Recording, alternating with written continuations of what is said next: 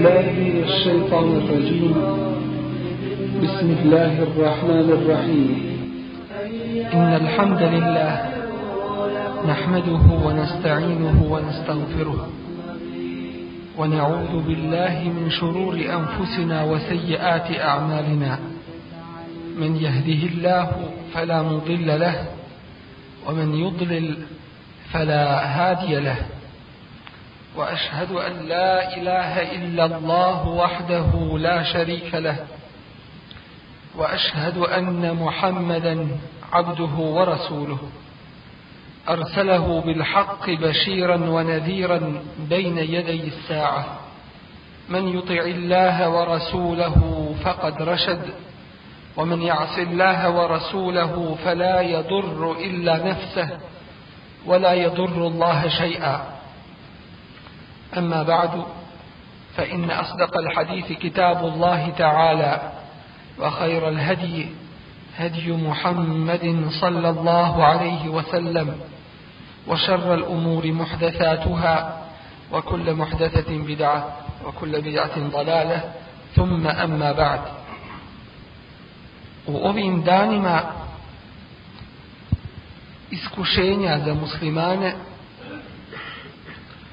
u danima kada muslimani svijeta polažu ispit pred Allahom Đelešanuhu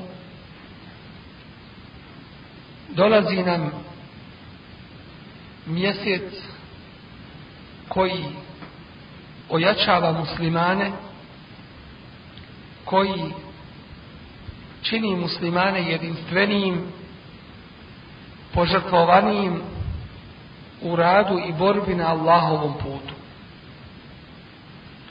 Mjesec Ramazana je poznat u istoriji Islama po velikim pobjedama koje su muslimani izvojevali upravo u ovom svetom mjesecu. I to je zaista mjesec snage muslimana i dokaz jedne činjenice koja se više puta dokazivala i potvrđivala kroz istoriju. A to je da prava snaga nije u broju, niti je prava jačina u tijelima, u oružju. Prava snaga i pobjeda je uz one koji imaju duhovnu snagu. Uz one koji znaju zašto se bore uz one koji znaju zašto žive i zašto umiru. Kem min fi'atin qalilatin galabat fi'atan kathiratan bi iznillah. Koliko i koliko malih skupina ljudi i boraca pobjedilo je velike skupine bi iznillah Allahovom dozvolom i odredbom. Dakle, prava snaga nije u broju niti u oružju. Prava snaga je u moralu i da kažemo u pravom iskrenom vjerovanju dini islamu. I zato je Ramazan i šerif mjesec koji ojačava muslimane. I istorija nam potvrđuje da su najveće bitke i najveće pobjede upravo ostvarene u ovome svetom mjesecu. Da se sjetimo samo jedne, to je bitka na Bedru, gdje je bilo muslimana po nekim predajama 314, a nevjerničke vojske oko hiljadu. Tri puta su brojčano bili jači, a po oružju više od tri puta su bili jači, jer su imali i oklope, jer su imali svo tada raspoloživo oružje i ništa im manjkalo nije. Ali Allah Đelešanuhu tu čudo pokazuje. Pomaže muminima, pravim vjernicima, kojima nije žao dati ovaj život na Allahovom putu, jer je Allah taj koji im je ovaj život i poklonio. I umrijeti svakako valja. I niko ne sumnja u to. I blago onome koji umre, a zna zašto je živio i zašto je umro. A teško li se onome, makar živio u svili i kadifi, teško li se njemu ako živi, a ne zna svrhu svoga života? Ne zna zašto živi. Dođe i partija dođe i ne znam ko. I vodi ga kuda? Kome odgovara.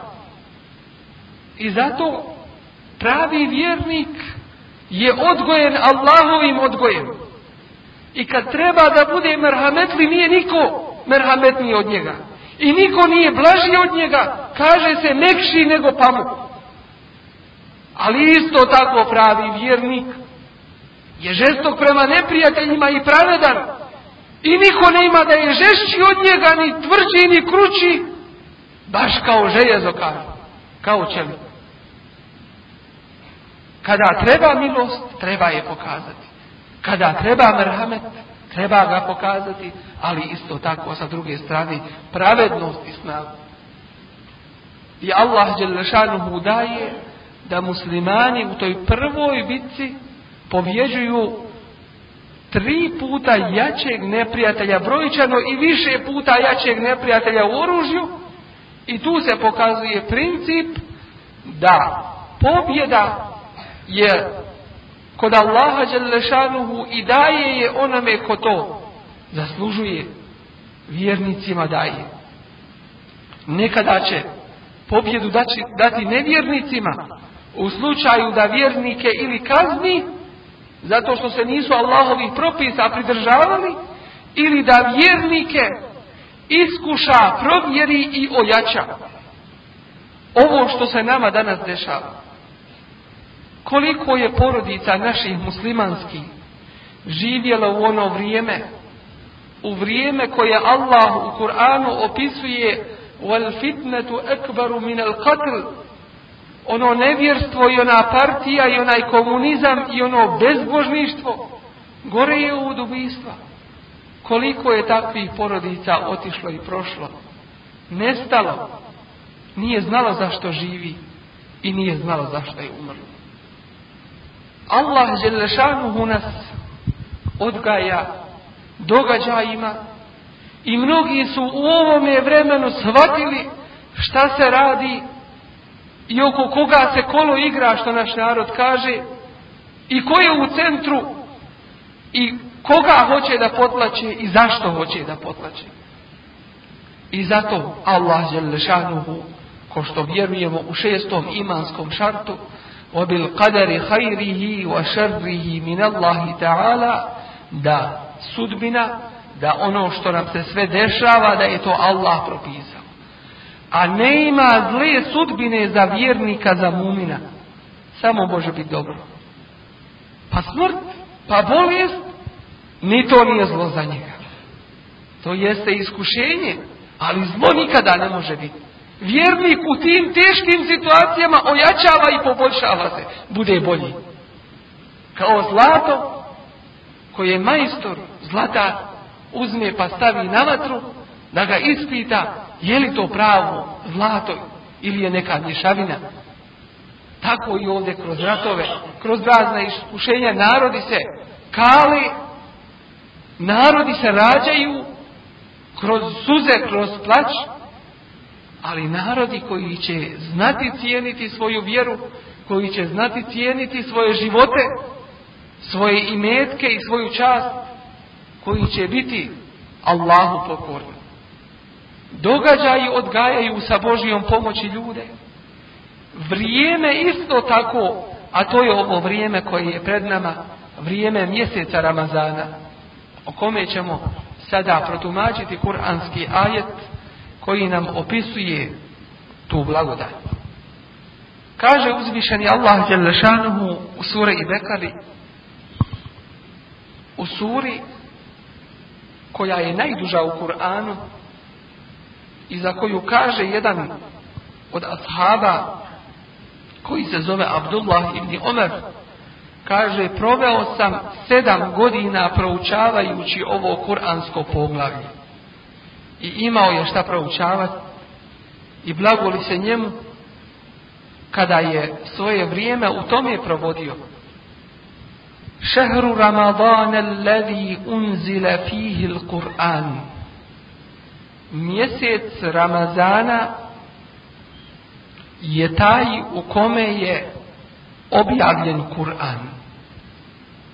O Kur'anu smo više puta govorili i koliko god govorimo nije dovoljno. Kaže se u hadisu Allahovog poslanika Muhammeda alaihi salatu wasalam koji se prenosi u priznatim i poznatim zbirkama hadisa Ma min nebijin illa utije misle ma amene ma'ahum nas svaki poslanik Allahov je dobio od Allaha Đelešanuhu ono što je dokazivalo ljudima istinitost njegovog poslanstva. Svaki je sa sobom imao potvrdu od Allaha Đelešanuhu da je on Boži poslanik. Na ovaj ili onaj način. Svoje muđize. Ova je mogao učiniti što drugi niko od ljudi ne može učiniti. Oživi mrtve. Slijepca da ne da progleda. Zmija se pretvori u šta? Innama alladhi utituhu wahjun evhahu Allahu ilayhi a ono što je meni dato, kaže pejgamber ali i sallatu wasalam, to je vahij, to je objava, to je uzvišeni Kur'an. Erđu en ekune ektarahum teba'an jevmel qiyame. Pa mi je želja, drago mi je da budem, da imadnem na sudnjem danu najviše sljedbenika. Dokaz poslanstva Muhammeda alaihi salatu wasalam jeste ovaj Kur'an. A Kur'an objavljen u mjesecu Ramazana. Kao što je dokaz onim generacijama prije 1400 godina koji su slušali Kur'an i plakali slušajući ovaj uzvišeni govor i ljepotu uzvišenost Allahovih riječi tako je i nama ovim generacijama poslije 1400 godina čvrst dokaz istinitosti poslanstva Muhammedovog alaihi sallatu. Jer govori o svemu, jer govori o naukama koje tek sada svoje mišljenje daju po mnogim pitanjima. A Allah to u svojoj knjizi spominje još prije 1400 godina. Da je u ovome vremenu Kur'an objavljen, neki bi rekli, nije to neko čudo, ljudi svašta otkrivaju. Ali prije 1400 godina da se kaže ovaj govor, to je nemoguće. Govor koji govori o nauci i o naučnim otkrićima koja su tek danas otkrivena i onikima koja još nisu koja još nisu ispitana, koja još nisu otkrivena u nauci. Danas ko što kažu, puno je lakše vjerovat nego ljudima što je bilo prije. Vide muđize i vjeruju u njih. Ali nisu mogli ove stvari provjeravati kao što danas mi vidimo pred svojim očima čuda nauke o kojima Kur'an govori. I zato je ljudima danas vrlo lako vjerovati. Ali nažalost, većina ljudi danas opet neće ili ne zna ili se zabavljala ovim dunjalučkim svijetom. Alladhi unzila fihi al-Qur'an u kome je objavljen Kur'an hudan linnas kao putokaz pravoga puta. Kur'an je putokaz pravoga puta. Ukazat će nam ovo je dobro, a ovo je zlo. Ali Kur'an nikoga neće natjerati da radi po dobru, niti će nekoga silom odvratiti od zla. To je do čovjeka stalo da li će prihvatiti ovaj Kur'an i da li će po njemu raditi. I po tome će biti nagrada. وَبَيِّنَاتٍ مِنَ الْهُدَى وَالْفُرْقَانِ Jasan dokaz pravog puta Wal furqan je ono što rastavlja istinu od neistine. Ovo su velike riječi koje, na kojima se treba zadržati i detaljno pojasniti. Jer se odnose i na našu situaciju u kojoj smo se mi našli. Allah Đelešanuhu nam ukazuje ovdje na više činjenica. Šehru Ramadan mjesec Ramazana, je taj mjesec u kome je Kur'an objavljen. I samim tim uzdiže se vrijednost ovoga uzvišenog mjeseca. Pored toga što je u njemu post i snaga muslimana. U tome je snaga, kao što je u Kur'anu snaga i duhovna i fizička snaga jačina muslimana. Drugo, veličina ove knjige uzvišene Allahove koja upućuje na svako dobro. Kaže se hudel li nas putokaz pravog puta ljudima. Knjiga koja govori o mirnodopskim prilikama i koja govori o ratnom vremenu. Kako ljudi treba da se ponašaju i u jednom i u drugom vremenu. I ako primijene Allahove principe, sigurno će biti pobjednici. Napuste li to, garantovan im je poraz. I zato da se malo pozabavimo ovim pitanjem.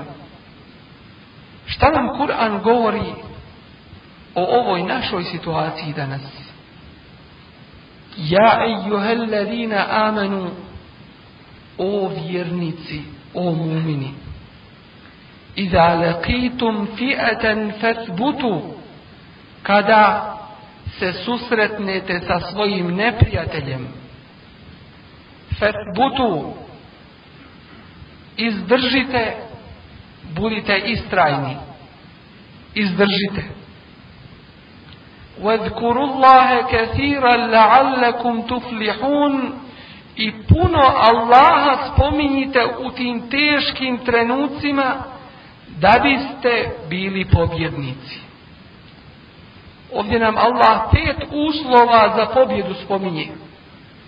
وَأَطِيعُوا اللَّهَ وَرَسُولَهُ I slijedite Allaha i njegovog poslanika. وَلَا تَنَازَعُوا فَتَفْشَلُوا I nemojte se prepirati pa ćete izgubiti.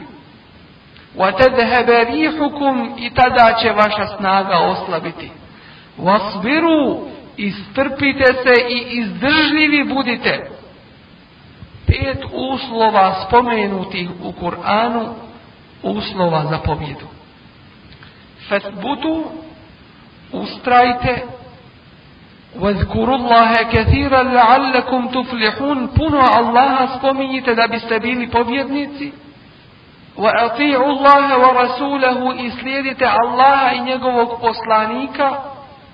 ولا تنازعوا إنمو يتسبرتي فتفشلوا فا دا إزقبيت أصلبيت أسوى إسنازي وتذهب ريحكم واصبروا إي استربيت سه إزدرجت فوقين بيتا الله جل شانه nam obuhvata cijelokupni naš stadij odbrane i borbe protiv našeg neprijatelja. Što znači izdržljivost, potpuna snaga, slijedjenje naredbi, što znači u ime Allaha Želešanuhu se boriti i neka njegovo ime bude na našim ustima, što znači izdržati i ustrajati, i kao peti uslov Allaha wa rasulahu i slijedite Allaha i poslanika njegovog. Tim kuranskim riječima obuhvatio je sve Allah Đelešan. Što znači, u ovim ratnim uslovima o muslimani, čuvajte svoj jezik, pa pazite šta govorite, jer zbog vaših riječi neko glavu može izgubiti, pa ćete vi biti neposrednim uzrokom u tome pa ćete odgovarati pred Allahom. Recite istinu. Slijedite Allaha i njegovog poslanika u pogledu borbe, pa nipošto nemojte ubiti ni dohvatiti onoga koga ne smijete ubiti. Slijedite Allaha i Božijeg poslanika u svim propisima borbe, jer vam to garantuje sigurnu pobjedu. Hudel nas, Kur'an uputa ljudima. I u ovim ratnim danima kaže se u jednom hadisu Muhammeda alaihi sallatu wasalam men halefe gazijen fi ehlihi fekad gaza onaj ko zamijeni borca u njegovoj porodici ko se pobrine za porodicu borca i onoga ko se bori ko obskrbi tu porodicu i pomogne joj te kad gaza njemu se piše nagrada te borbe. Jer je bio učesnik u cjelokupnom pomaganju muslimana. U ovu uputu Kur'ana i hadisa Muhammeda alaihi sallatu spada i to da u mjesecu Ramazanu lijepo je posebno preporučljivo da se daje zekat onaj ko ima određeni iznos imetka te treba na to da dadne 2,5% za očuvanje muslimanskih imetaka za očuvanje muslimanske časti za očuvanje islama na našim prostorima to je danas najprioritetniji zadatak i najprioritetnija kategorija da se u dadne zekat. Danas, kao što rekao smo, to je najpreće. I nije dozvoljeno nikako. Haram je da kod čovjeka stoji i metak koji nije dao za zekat, a on da misli gdje li će ga dati ili hoće li ga dati kako. Neka se čuva onaj dobro koji mora dati zekat. Neka se dobro čuva i neka nimalo sa tim zekatom ne zakasni. Jer Allah Želešanuhu kod njega je najprecizniji hisab, najprecizniji račun. Ako ne dadneš to, ako kasniš u tome, čuvaj se da te ne zadesi od Allaha Đelešanuhu iskušenje koje je puno skuplje i koje je puno teže nego da se taj procenat 2,5% od imetka dadne na Božijem putu. Posebno uz mjesec Ramazan to treba uraditi zato što se se radi uz Ramazan povećavaju i nagrada kod Allaha Đelešanu zato što je u ovome trenutku danas najopodnije muslimanima.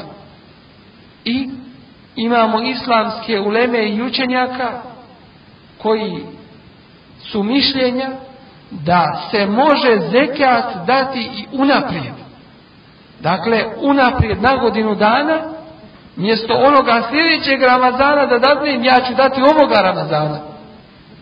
Jer zašto da kod mene ovdje novac leži, da truhne, a dole muslimanima je potreban i dole muslimanski život se može očuvati od toga. I dinar koji ovdje dadneš, siguran budi da ti ga Allah zaboraviti neće. I to što pomažeš, ne pomažeš Allaha. To pomažeš prvo sam sebi. Jer Allahu pomoć nije potrebna. To je za ostanak svih nas. Jer možemo misliti kao što je dosad bilo mišljenje. A to svaki čovjek svome djetetu želi da svoje dijete, ko što kažu, uhljebim, da moje dijete ima dobru platu, da ima položaj, da ima kuću, da ima kola, ali ne da li našoj djeci ono što je najpreće i ono što mora svaki roditelj dati svome djetetu, a to je iman da mu usadi, da ga nauči vjerovanju i da ga nauči dini islamu i propisima islama, koji ga uče svemu u njegovom životu. Ako to ne učinimo, Boga mi može nam se desiti da nam se opet istorija ponovi kao što nam se ponavlja godinama. I zato ovo je poruka muslimanima, ovo je jedno upozorenje da se ne čeka sa davanjem zekata koji je preporučljivo da se daje u ovome plemenitom mjesecu, mjesecu Ramazana. وَبَيِّنَاتٍ مِنَ الْهُدَى I jasni dokaz upute. I zaista jeste tako. Nemusliman nikada ne može osjetiti ljepotu Ramazana i nikada mu se ljepota Ramazana ne može dočarati. Ljepota Ramazanskog iftara. Ne mora to biti veliki iftar, ne mora to biti nešto posebno, ali ta duhovna ljepota, ljepota koju osjeća duša, to se nikome dočarati ne može, niti se kome može opisati. I ja sam dokaz upute, jer je Ramazan Allah Đelešanohu propisao. Ima ljekara koji će propisati svojim pacijentima. Uzmi i od tog do tog vremena nemoj ništa da jediš. Čuvaj se te hrane, čuvaj se ovoga, čuvaj se onoga. A Allah je lešanu svake godine odredio muslimanima. Jer Allah hoće da se svi znaju. El mu'minu qawiyyu khairun wa ahabbu ila Allahi min al mu'minu da'if. Jak vjernik, jak u svome imanu, jak u snazi. Hajrun je bolji wa ahabbu ila Allahi i draži Allahu min al mu'minu da'if od slabog vjernika. Slabog vjernika u pogledu vjerovanja, slabog vjernika u snazi i u svemu ostalo. Allah voli da budemo snažni, Allah voli da budemo zdravi. I propisuje nam taj post od mjesec dana svake godine. I ne može se odgoditi. Ne može se reći, neka bude Ramazan za dva mjeseca, hajde svi da ga odgodimo. Ne može. Tačno se zna kada je određeno. Svake godine mjesec Ramazan. I to mjesec dana. Vidjet ćemo mi da u drugim vjerama ili u drugim ideologijama ima nešto slično postu. Ali ćemo isto tako zaključiti vrlo lako i brzo da njihov post ide iz jedne u drugu krajnost. U jednoj krajnosti u postu u tim nekim drugim vjerama pretjeruju pa određuju sljedbenicima tih vjera da poste preko njihove mogućnosti i njihovo tijelo štetu tu trpi. U drugim opet vjerama vidjet ćemo da je toliko taj post iz, izlapio, da je toliko taj post se preprao što mi kažemo, da je nešto malo ostalo, pa ne ima razlike između onoga koji posti i onoga koji ne posti. Dakle, ljudi su išli iz jedne u drugu krajnost. A Allahovi uzvišeni propisi sačuvani do današnjih dana i do kijametskog dana, pošto je Allah to garantovao, jer je pejgamber alaihi sallatu wasalam posljednji poslanik, poslije njega više neće biti novih poslanika, ostaje originalno, ostaje očuvano i korisno ljudima. Za njihove imetke, za njihova zdravlja, za njihovu čast, za njihov život i za njihovu vjeru. وَبَيِّنَاتٍ مِنَ الْهُدَى I jasan dokaz pravoga puta. Kao što je jasan dokaz pravoga puta Ramazan, isto tako jasan dokaz pravog puta jeste Kur'an i Kerim. Koji je najveća muđiza Muhammeda alaihi sallatu wasalam. وَبَيِّنَاتٍ مِنَ الْهُدَى وَالْفُرْقَانِ I onaj koji odvaja istinu od neistine. Kur'an i Furkan, to su sve imena uzvišenog Kur'ana, Allahove knjige. Ili rekli Kur'an, ili rekli Furkan, isto je. Odnosi se na jednu Allahovu knjigu, Kur'an i Kerim. A Furkan znači ono što rastavlja istinu od neistine. Ovaj Kur'an i Kerim govorio je istinu i u njemu se istina nalazila i zapisana i u vremenu kada su ljudi zatvarani i u vremenu kada su ljudi proganjani i ubijani kada su istinu govorili. Riječ ove knjige promijeniti nisu mogli. Ali je ova knjiga ostala dokazom svim ljudima i dokazom protiv nekih ljudi jer je uvijek istinu govorila. I u najtežim vremenima. U Rusiji kada se nije smjelo spomenuti ime Allahov. kada su džamije zatvarane, a Kur'ani spaljivani, kada su muslimani po zatvorima masovno bili, ljudi su uzimali ovu uzvišenu knjigu, Kur'an, Furkan, koja jasno rastavlja istinu od neistine, koja istinu govori i ispod zemlje u prostorijama sakriveni pod svijećom, pod svjetlom svijeća učili su ovu uzvišenu Allahu knjigu, Kur'an Kerim. Jer je bila uputa. Jer ništa ne može ovoj knjizi nauditi niti je promijeniti. La ya'tihi al-batilu min bayni yadayhi wala min khalfihi. Tenzilum min hakimin hamid. Ne može ni sa koje strane zabluda da dođe neistina ovoj knjizi. Tenzilum min hakimin hamid, to je objava od mudrog i slavljenog. Femen šehide minkumu šehra fel jesum. Ko od vas bude prisutan u tome vremenu, kaže se kod svoje kuće, ko ne bude putnik, fel jesum neka ga posti. To je naredba kuranska koja pada na sve punoljetne, zdrave, pametne muslimane. Svi punoljetni, zdravi, pametni muslimani dužni su da obavljaju ovaj farz I Allah će ih pitati za njega. Da li post koristi Allahu? Post isključivo koristi nama ljudima za jačanje tijela, za naše zdravlje i za odgoj duše, za sve plemenito što treba da se okiti njime čovjek. ومن كان مريضا أو على سفر فعدة من أيام أخر ko bude bolestan evo ala seferin ili na putu fa'iddatum min ayamin ukhar taj neka posti isto vrijeme isti broj dana u drugome vremenu mimo Ramazana. Dakle, neka naposti dane koje nije postio u vremenu kada je bio bolestan ili u vremenu kada je putnik bio. Bolest i Allah u tom slučaju ne tereti čovjeka koliko čovjek podnijeti neće. La yukellifu Allahu nefsen illa wus'aha. Allah nikoga ne zadužuje preko njegove mogućnosti. Samo onoliko koliko čovjek može podnijeti. I zato ima olakšica u svim Allahovim propisima. Pa pođimo redom.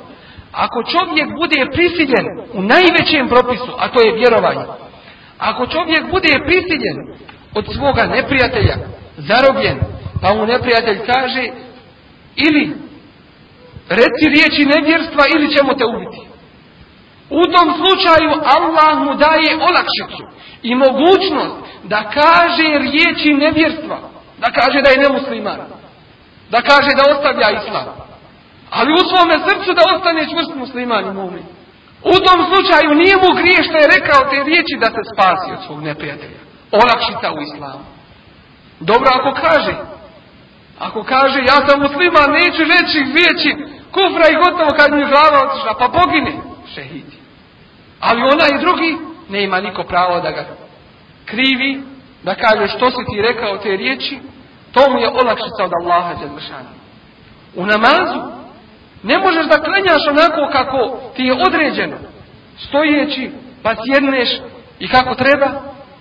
Onda, ako ne možeš stojeći, sjedi pa klanjaj. Ako ne možeš sjedeći klanjati, lezi pa klanjaj.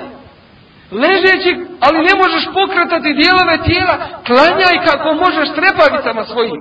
Ne možeš ni to u mislima svojim. Olakšite. Niko ne ima opravdanja protiv Allaha Đelešana. Ne imaš vode? Uzmite jemu. Vezan. Ne možeš ni te jemu uzeti. Zanijeti abdest i klanjaj. Allah te ne duži onda niti. Samo ne smiješ propustiti ono što ti Allah odredio. Jer ako ne možeš fizički klanjati, pa nije naša vjera samo fizički, ko što je kod nekih drugih vjera, kod nas je i duh i tijelo zastupljeno. Pa ako ne možeš tijelom, onda makar duhom, onda makar svojim srcem i dušom. Učini od... Ispuni Allahov propis. I u drugim, mnogim propisima. Ako ne možemo, na primjer, na hač da odemo, onda ćemo poslati bedel. Poslaćemo onoga ko će za nas obaviti hađ. Ako nismo u stanju, ne imamo zdravlja. A ako ne imamo mogućnosti i metka, ne, onda nas Allah ne duži da odemo na hađ. I tako su mnogi drugi propisi. U bolesti Allah u čovjeka ne duži da posti. I u slučaju da čovjek uzme postiti u bolesti, da čovjek uzme postiti, a bolestan je, i taj post u toj bolesti šteti njegovom tijelu, nije mu to dozvoljeno i ne ima se vada od toga posla, čak može imati grije. Jer Allah od nas ne traži tu patnju. Allah od nas ne traži tu žrtvu, jer nam je dao olakšicu. U trenutku ne imaš ništa jest. I naši ljudi su tako iskušavani bili po zatvorima, zatvarani u ono, u ono prošlo vrijeme, da Bog sačuva još imamo muslimana koji kažu da se hoće ovo završiti pa da nam bude ko što je bilo. Ne daj Bože da nam bude ko što je bilo. Kad naši ljudi progovoriti nisu smjeli o islamu. Kad naša djeca nisu smjela učiti o pravom islamu. Kad su ljudima postavljali uslove ili partija ili ne ima posla. Ili, ili ostavi u nekim slučajevima. Ili ti ili ovaj uzimamo doprinos djeci i tako dalje. Na sve načine pritici su bili. Ne daj Bože da nam se to vrati vrijeme. Ali naši ljudi po zatvorima koji su bili, koji su istinu govorili i ono vrijeme kada su mnogi šutjeli, nisu im ništa drugo davali već svinjetinu. Znajući da muslima ne jede svinsko meso. Ali Allah Đelešanu u tom slučaju kaže فَمَنِ اُتُرَّ غَيْرَ بَغٍ وَلَا عَدٍ فَلَا إِثْمَ Ko bude prinuđen, prisiljen, bez svoje želje, ne voli on to jesti, ali mora ne ima u tome grijeha. Da pojede i to što mu je zabranjeno, da bi život mu opstao. U granici u kojoj će svoj život sačuvati. Dakle, u potpunosti olakšica. وَمَا جَعَلَ عَلَيْكُمْ فِي الدِّينِ مِنْ حَرَجِ I nikakve teškoće nije učinio da bude u vašoj vjeri. A vjera, ni samo vjerovanje, vjera je svi naši ibadeti, namazi, post, sve što spada u ibadete, naša vjera je i ono što radimo i cijelokupni naš život, to je sve naša vjera. Jer sve to vjerom se određuje. Bolest, evo ala seferin ili na putu.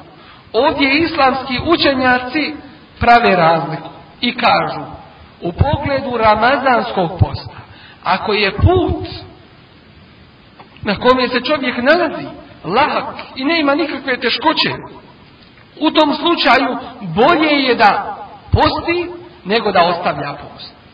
Ali ako je put na koji ide težak, nije jednostavan, zahtjeva iscrpljivanje tijela, onda je bolje da posti, onda je bolje da ne posti, nego da posti.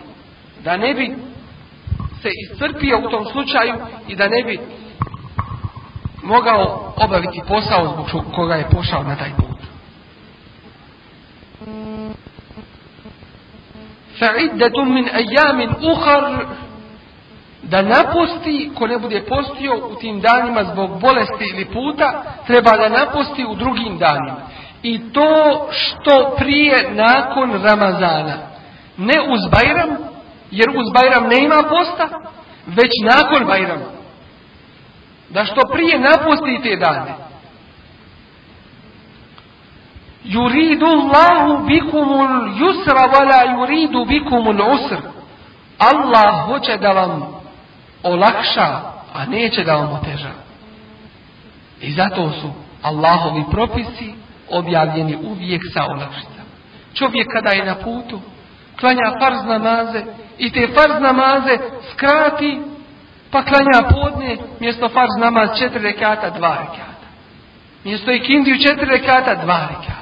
Jaciju isto tako dva rekata. Kolika je to Allahova Đelešanu olakšta. To zna posebno onaj koji puno putuje. I ne ima nikakve teškoće.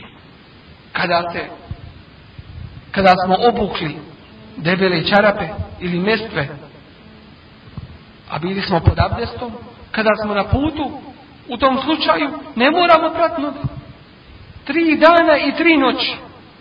Samo kad uzimamo abdest, potrati mokrom rukom po tome mjestu. Kod kuće dan i noć. Potrati samo rukom po tome mjestu. Olakšite. Od Allaha Đelešanu. Wali tukmilu l'iddete.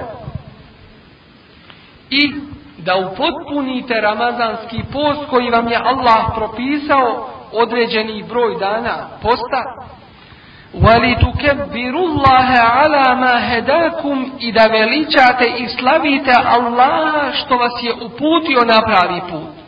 A od pravog puta i pravi put jeste ovaj post pred kojim se i mi nalazimo. Koji odgaja i dušu i tijelo. وَلِتُكَبِّرُ اللَّهَ عَلَى مَا هَدَاكُمْ Kaže Allah Želešanuhu, dobro vidimo ovaj kuranski ajet. Tukmilu iddete i da ispunite post određenih dana. Određenih dana. Kad ispunimo to što dolazi onda.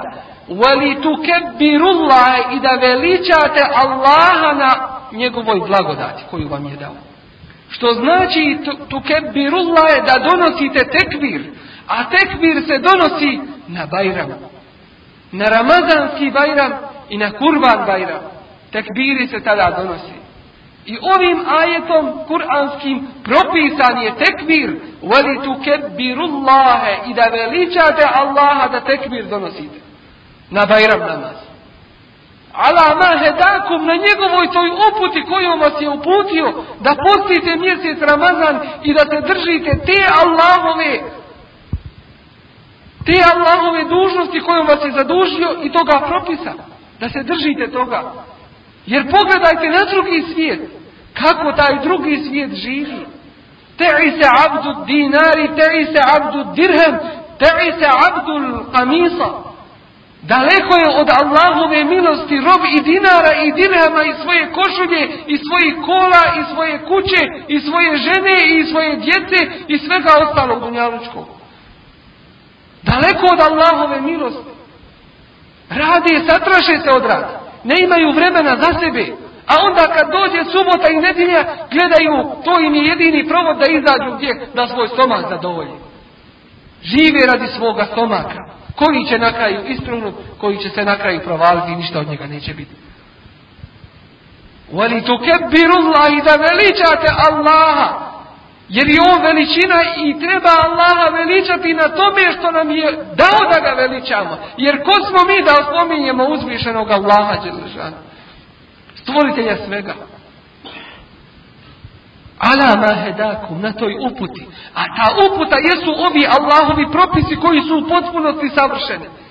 I u potpunosti se ponosimo pred svim ljudima, pred svim narodima i generacijama ala mahedakum na uputi. A uputa isto tako jeste ovaj Kur'an i Kerim koji je počeo da se objavljuje u mjesecu Ramazanu. Prva kuranska objava dolazi Muhammedu alaihi salatu wassalam Allahovom poslaniku Rasulullah. Kada je bio u pećini Hira začuje glas Meleka Džibrila pet ajeta samo sure i Alek. Ikra bismi rabbike alladhi khalaq. Muhammed alaihi sallatu wasalam. Ne zna ni ko je melek Džibril. Ne zna šta je to, koji je to glas, šta se to dešava. Ma kunte tedri mel kitabu velel iman. Nisi znao ni šta je knjiga, ni šta je iman o poslaniće. Ali te Allah tome naučio i uzdigao. Ikra uči. Bismi rabbik u ime gospodara tvoga. Alladhi halak koji stvara. Po tome ga poznajete. Nije tvoj gospodar partija. Nije tvoj gospodar ovaj ili onaj vladar.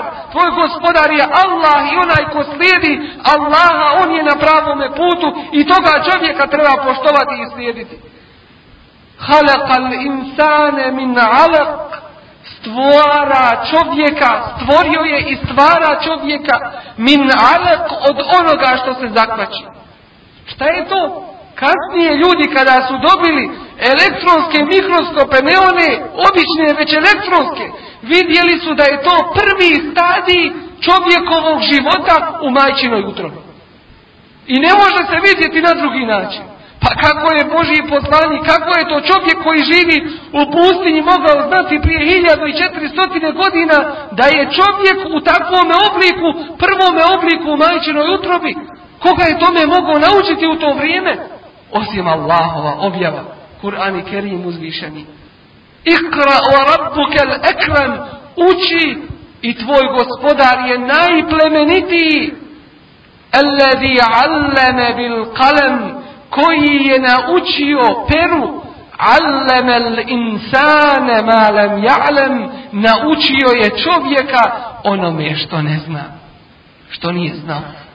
I po tome ga uzdigao na drugim svojim stvorenjima. Dao mu čast po tome znanju. I danas ljudi kada hoće ili partije ili vladari koji hoće da potlače narode, onda taj narod date da bude nepismen. Kako narod da bude nepismen? Kako je to moguće? Kad danas imaju fakulteti i univerziteti i instituti i škole za koje nismo ni čuli. Kako jedan narod da bude nepismen? Pa kako je naš narod Bosanski postao nepismen u vjeri. Kako je naš narod postao nepismen da ne zna za Allaha, da bude tako zaluđen. Da radi od njega šta hoće. Da mu postavljaju uslove za njegov život. Uslove u njegovoj porodici. Ne smiješ u džamiji otići. Jesi li, vidio, jesi li viđen u džamiji? Ima da budeš na partijskom sastanku. Bićeš iznesen tvoje ime pa će se o tebi raspravljati. Ne smiješ ići kuda hoćeš. Dotle su nas tlačili i dotle su htjeli da budemo njihovi robovi. E to je način robstva. I to je to zaluđivanje. Allah prvom kuranskom riječi je rekao ovo je vaš gospodar i nije drugi niko. I ne dajte se ljudi. E sad ako se vi pustite i ako dozvolite svome zulumčaru, nemojte tražiti Allaha da vam pomogne. Jer krivica dolazi od vas. Allah vas je upozorio. Čuvajte se toga. I zato se kaže u Kur'anu da je nevjerstvo, a to je nemar, nezainteresovanost, nebriga o Allahovim ajetima i o Kur'anu, da je to gore od ubijstva. Jer čovjek kad se bori, a zna zašto se bori, blago njemu. Pa Ali onaj koji ne zna, ubijaju ga. To je teška stvar. Onaj koji živi i umre, a ne zna zašto živi, ne zna cilj u svome životu. To je teško. Volite kebiru ala ma hedakum i da slavite i valite i veličate onoga koji je zaslužan da se veliča. Nije ni Marks, nije ni Lenin, nisu ni oni koji su zavađali narode i koji su zavodili narode. Nemoralnim životom živjeli. Zar su oni dostojni da se oni veličaju, da se oni slave i hvale i hvale? Kakva to slava njima pripada? za koju kažu na smrti, neka je slava. Kakva slava, čega slava? Kad je ljude na dalalet odvodio, ta društva moraju propasti jer se Boga ne boje. Ako se Boga ne boji, ako ne zna komu je stvoritelj i pred kim će odgovarati, onda se boji samo policije, gleda samo gdje će čapicita, gdje će ukrasti, da ga drugi ne vidi. Zna se, taj narod, takav sistem je sam sebe osudio. To propada, mora propasti. Kao što je kamatni sistem, kao sve drugo što se Allahovim propisima suprostavlja. Da Allaha slavite, a ne one tamo koji zavode ljude. Kaumehu jeumel qiyameti fe euredahumun nar. Oni će predvoditi svoje narode ko što su na Dunjaluku prvi išli pred tim koji su ih slijedili, pa će ih uvesti u džehennem. Ti i takvi kao što su bili faraon, kao što su bili drugi koji su odvodili ljude sa pravoga puta. Ne samo da nisu htjeli priznati istinu, već su se svim silama i snagama borili protiv te istine. Nisu htjeli da se pokore Allahovim propisima. وَلَعَلَّكُمْ تَشْكُرُونَ i da zahvaljujete. Ovo su velike riječi. Da budemo zahvalni uzvišenom Allahu Đelešanuhu na Kur'ani Kerimu i na ostali svim propisima koje nam je dao, a jedan od tih jeste Ramazani Šerif. Trojica ljudi daleko su od Allahove milosti. Trojica ljudi daleko su od Allahove milosti, a teško li se tome čovjek? Jedna vrsta, ko dočeka Ramazan i šerif i provede taj mjesec, a ne budemo oprošteni, ne iskoristi tu priliku, daleko je taj od Allahove milosti. Ko doživi starost jednog ili oba dvoje roditelja, pa ga ne uvedu u džennet, daleko je od Allahove milosti. Ne zasluži džennet pokoravajući se svojim roditeljima, poštujući svoje roditelje, radeći sa njima ko što je Allah propisao. I ko čuje ime Allahovog poslanika Rasulullah sallallahu alaihi wasallam, a ne donese salavat na njega, ne kaže sallallahu alaihi wasallam, alaihi salatu wasallam. Inna Allahe wa malaiketahu yusalluna ala nabi. I Allah i meleki njegovi salavat donose na poslanika. Ja ejuhalladina amanu, o vjernici, o mumini, sallu alaihi, donosite na njega salavat, vasellimu teslima i teslim donosite. Alaihi salatu wasalam. Čovjek koji je svoj život žrtvovao na Božijem putu, koji je bio ranjavan, proganjan, kaže se da je najmanje sedam puta pokušavan atentat da bude izvršen na njega, da ga ubiju, sedam puta su pokušavali. Jedan put da na njega kamen veliki bace, drugi put da ga otruju, treći put da ga sami obnaveće, presretnu, sve šta nisu radili. I opet na sudnjem danu govorit će Allahumme sellim sellim. Bože, spašavaj ljude, spašavaj. وَلَعَلَّكُمْ تَشْكُرُونَ I da zahvaljujete Allahu na blagodatima kojima vas je obdario. A jedna od blagodati, rekli smo, jeste i mjesec Ramazana. Men same Ramadane imanen vahtisaben ko bude postio Ramazan, kaže se u hadisu Allahovog poslanika Muhammeda wasalam ko bude postio Ramazan imanen, vjerujući Allaha Đalešanu, vahtisaben i očekujući od njega nagradu, ne od ljudi. Vahtisaben, gufira lehu ma te min zembi, bude mu, budu mu oprošteni grijezi koje je u prošlosti uradio. Post mjeseca Ramazana. A od se kaže I to je hadisi kuci koji Muhammed alaihi salatu wasalam prenosi od Allaha Đelešanu. Svako djelo koje čovjek uradi, za njega je deseto rostruka nagrada. Sevab ide na deset. Illa saum, osim post. Zašto post? Zato što Allah kaže, post pripada meni i ja za njega nagrađujem.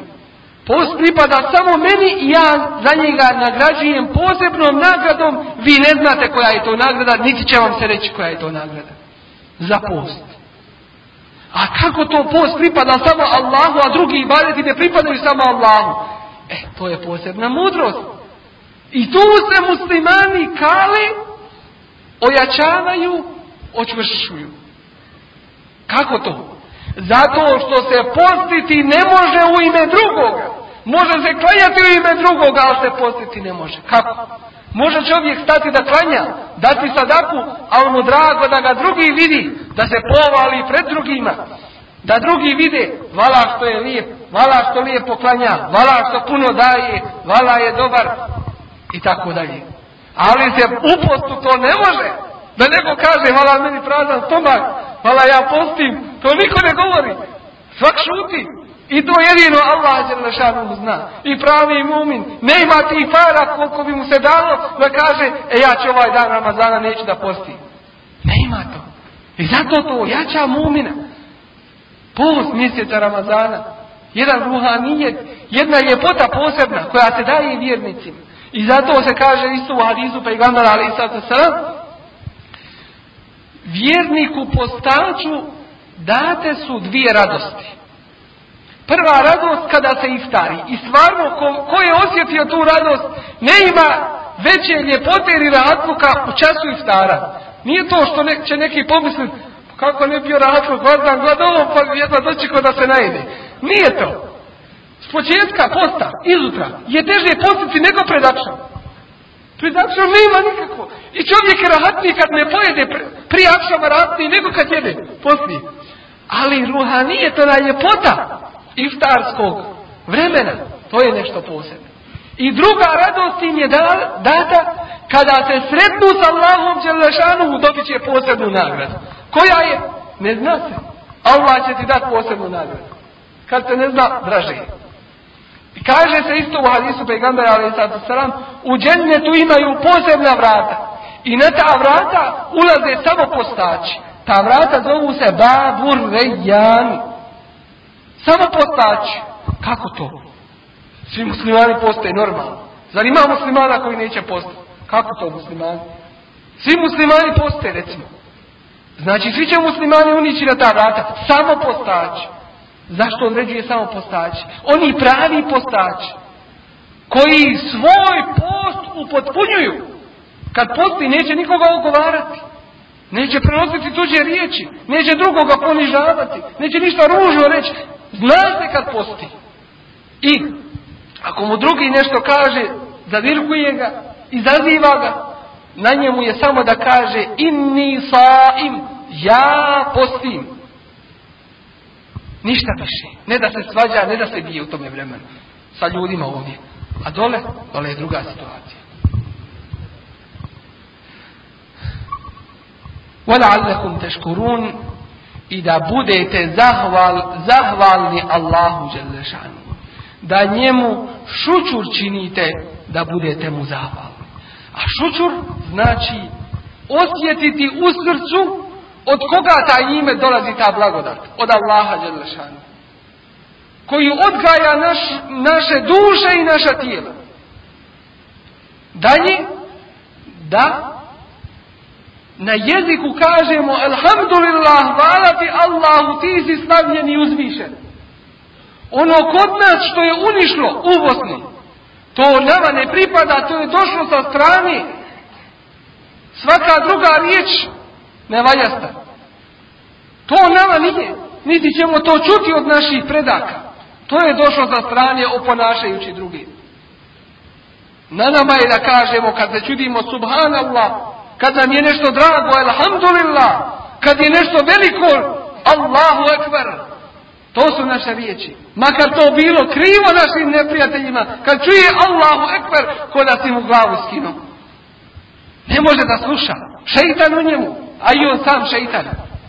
Treba što više to da govorimo. Treba da smo ponosni time. Sve ono što je krivo, sve ono što je teško našem dušmanu, to treba da radimo. Na lijep način. Fino, ali ne smije dirati, to je naše pravo. Mi imamo pravo šta govoriti, šta hoćemo. Ništa ga nismo uvrijedili, ali mi ćemo svoje. وَلَعَلَّكُمْ تَشْكُرُونَ I da budete zahvalni. Treća vrsta zahvali uz srce, uz jezik, jeste da tu Allahovu blagodat ne iskoristimo u haramu. Da tu Allahovu blagodat koju nam je dao ne iskoristimo u onome što je Allah zabranio. To je treća vrsta zahvali. Allahu Đelešanu. Treći način. وَإِذَا سَأَلَكَ عِبَادِي عَنِّي فَإِنِّي قَرِيبٌ Ovo je jedna druga činjenica kuranska. Prije ovoga još da objasnimo da je Allahov poslanik Nuh a.s. nazvan innehu kane abden šekura. On je bio zahvalan žog Allahu. A što znači zahvalan rob Allahu? Kaže se u predajama da kad god bi šta pojeo, kad bi šta popio, rekao bi Elhamdulillah, hvala ti Allah. I ovdje jedna napomena posebna. Allah nam daje iza namaza. To je sunnet i lijepo je. 33 puta. Subhanallah, subhanallah, subhanallah. 33 puta, alhamdulillah, alhamdulillah, alhamdulillah. 33 puta Allahu Ekber, Allahu Ekber, Allahu Ekber. Stoti put, la ilahe illa Allahu wahdahu la šarika leh, lehul mulku wa lehul hamdu wa huwa ala kulli še'in qadir. Pazite se, tu šeitan opet hoće svoje da, da njegovo prodaje. Nekad hoće da nas priječi da zaboravimo, da nas neko prekine pa da to ne proučimo. Jedan sam, samo primjer navodimo, a u ostalom je u mnogo slučajeva tako. Ako to ne uspije, doći će nam pa će reći, nemaš vremena, ajdi to brzo prouči. Subhan, subhan, subhan, subhan, subhan, hamdan, hamdan, hamdan, Allah, Allah, šta si proučio? Koga si slavio to?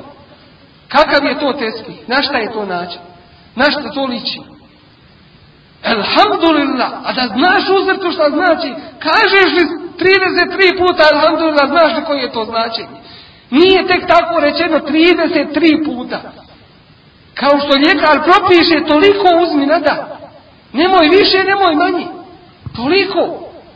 Ima to svoju odgojnu ulogu. Ima svoj odgojni značaj.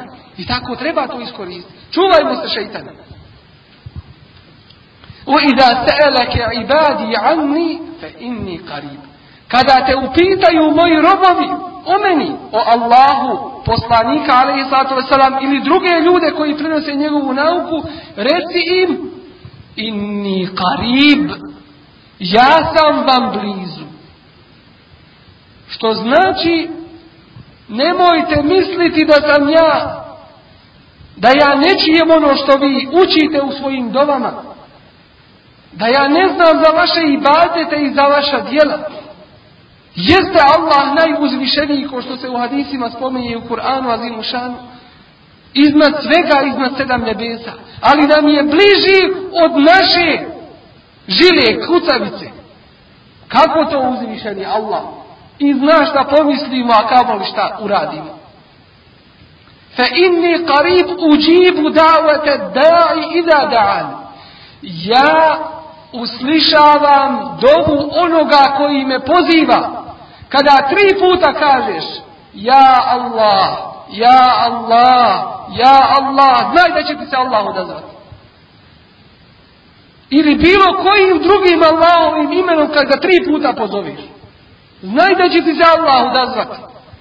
Ali, on zna bolje od tebe. I zna da li je to dobro za tebe. To što tražiš.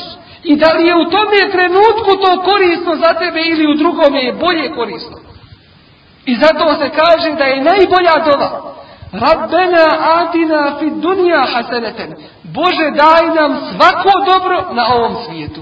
Wa fil ahireti haseneten. I svako dobro na ahiretu. Vakina adaben nar i sačuvaj nas djehennemske kazne i azabe. Daj nam svako dobro, a ti znaš u čemu je dobro. Mi ne znamo je li ovaj rad dobar za nas ili nije. Može biti da se uspostavi kasnije, da bude koristi od toga. Pa izginuli ljudi, blago onome koji je na Allahovom putu pao. Teređa toga, stepen toga je veliki. Blago onome koji je ranjiv na Allahovom putu, jer će doći na sudnjem danu, ko što se kaže u hadisu pejgamber ali sa tom ranom, bit će boja, boja krvi, a miris, miris miska. Blago onome koji je zaprašio svoje noge na Božijem putu, jer te noge po hadisu u Buhari stoji, neće dovaditi džehennem. Blago onome koji je stražavio koliko bilo vremena na Božijem putu, te oči džehennem dovaditi neće. A kamo li za ostali narod? Koji su ostali kasnije da uzmu pouku iz svega ovoga što nam se radi. Allah nas odgaja kroz vrijeme, kroz događaje. Dao, dao nam je knjigu samo da je prihvati. وَعْتَصِمُوا بِحَبْلِ اللَّهِ جَمِيعًا وَلَا تَفَرَّقُوا I prihvatite se Allahovog užeta svi. I to dobro se prihvatite. Jer svi ostali rade da se ne prihvatite toga užeta. وَلَا تَفَرَّقُوا I ni pošto se nemojte razilaziti. Nekada Allah Želešanuhu će ti odmah ispuniti tvoju dovu. I Boga mi smo u često situacija bili svjedoci da dovu činimo bolesniku Allah dadne i vidimo kako mu se šifaluk i kako izlječenje pada na toga bolesnika. U času. Situacija ima kada odmah dova bude primljena. A nekada Allah Želešanuhu dovu ostani, ostavi da je izvrši, da je ispuni u vremenu kada je tebi povoljniji. I znaj, onaj ko digne ruke Allahu Đelešanuhu i zamoli ga Allahu, Allahu, Allahu. Allah neće ostaviti te ruke praznima.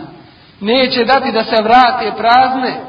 Jer je Allah ekremul ekremin najplemenitiji. Pa čovjek kada se stidi da ne udjeli čovjeku koji je mutač, kako li je tek sa Allahom Đelešanu koji je najplemenitiji. Da se odazove čovjeku. A posebno što mu je drago i što mu je najdraže. Kaže se u hadisu čovjek koji te obe dođe, koji se pokaje za život koji je prije živio. Toliko to Allahu Đalešanuhu bude drago. Kao, pored da se vrši, kao čovjek koji izgubi svoju kaminu, svoju devu, izgubi je u pustinju. Šta to znači za njega? Znači smrt. Jer je na toj devi hrana, na toj devi voda, kreće se time, gotovo, znači umrijeće. I legne malo da ospava, kad se probudi, deva kod njega. Skoči od dragosti i kaže, Bože, ti si moj rob, ja sam tvoj gospodar. Zamijenio od dragosti velike. Toliko je on izvan sebe, toliko mu je drago da je rekao, hoće da Allahu zavali. Pa kaže, Bože, ti si moj rob, ja sam tvoj gospodar. Mjesto obrvatno. Bože, ja sam tvoj rob, ti si moj gospodar. Od dragosti toliko je zamijenio. Kaže se u Adisu Pejgambe, ali sad sam, toliko je Allahu Đelešanu u drago, kada čovjek se vrati sa krivog puta. Pio, hodo svakdje, radio, nije imao nikakvih propisa, ni za namaz znao, ni za vjerovanje, ni za kur, a ni za šta. Došlo vrijeme Allah dao da ga uputi, saznao istinu, vrati se Allahu Želešanu, pokaje se, ne treba to puno, ne treba to vremena. To su sekunde, Bože ti znaš šta sam radio, oprosti mi, smiluj mi se, uputi me na pravi put, griješan sam, kajem se za ono, nikada odlučujem da se više na to ne vratim. Ako si iskren, sve se briše to. Tako ti je sa Allahom Đelešanu. I drugi život, gotovo. Pitali su Musa, ali i Elem nurebbike fina veliden, velebiste fina min umurike sinin. Kaže mu faraon, zar te Musa nismo odgojili kao malo dijete? Šta sad hoćeš biva? I ostao si među nama godinama kao malo dijete. وَفَعَلْتَ فَعَلَتَ كَلَّتِ فَعَلْتَ وَأَنْتَ مِنَ الْكَافِرِينَ Kaže mu faraon, i uradio si ono što si uradio, ubio čovjeka. A tad nisi ni vjerovo, ni šta si ti onda bio? Šta sad hoćeš? Kojim pravom sad dolaziš? A onda Musa a.s. kaže Kale fa'altuha idem To sam uradio tada Wa ana min dalin A tada nisam znao pravu stvar, pravu istinu Feferertu minkum lemma khiftukum Pa sam pobjegao od vas bojeći vas se Da me ne ubijete فوهب لي ربي حكما وجعلني من المرسلين i Allah mi je dao mudrost dao mi znanje i učinio me poslanikom.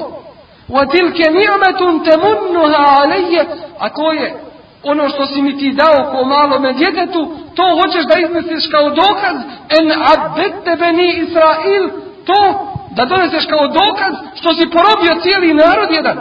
Ne može se to tako reći. Ono što si živio u prošlosti, bilo je drugi život sada. Fel jeste džibuli i neka se meni odazivaju, neka dolaze, neka Allahu se vraćaju, neka slijede moje propise, wal yu'minu bi i neka vjeruju u mene, u Allah. I neka vjeruju meni, Allahu. U onome što je Allah rekao i odredio, jer je to samo dobro za njih. La'allahum jeršudun, da bi išli pravim putem da bi išli putem njihovog spasa, putem uspjeha na ovome i na budućem svijetu.